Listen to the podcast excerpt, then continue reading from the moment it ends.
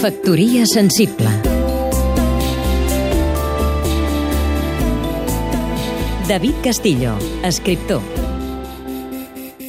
Anagrama acaba de publicar una traducció de Kadish d'Allen Ginsberg. En català ja teníem una edició de Kadish i altres poemes publicada per Llibres del Mall amb traducció de Josep Costa, revisada per Eduard Feliu, i un pròleg de M.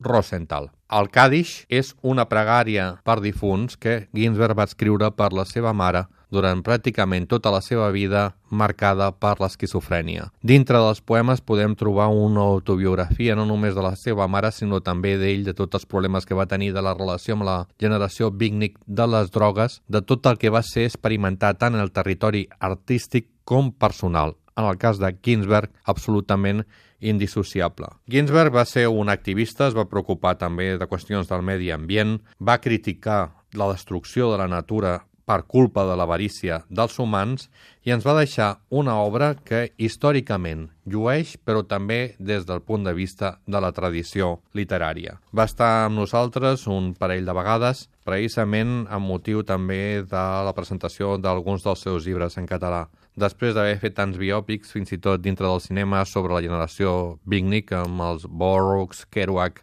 Cassidy i companyia, tenir de nou llibres d'aquests autors que des de mitjans dels anys 50, des de després de la Segona Guerra Mundial, van tenir tanta incidència, és un luxe. La generació del bebop continua viva. Factoria sensible Seguim-nos també a catradio.cat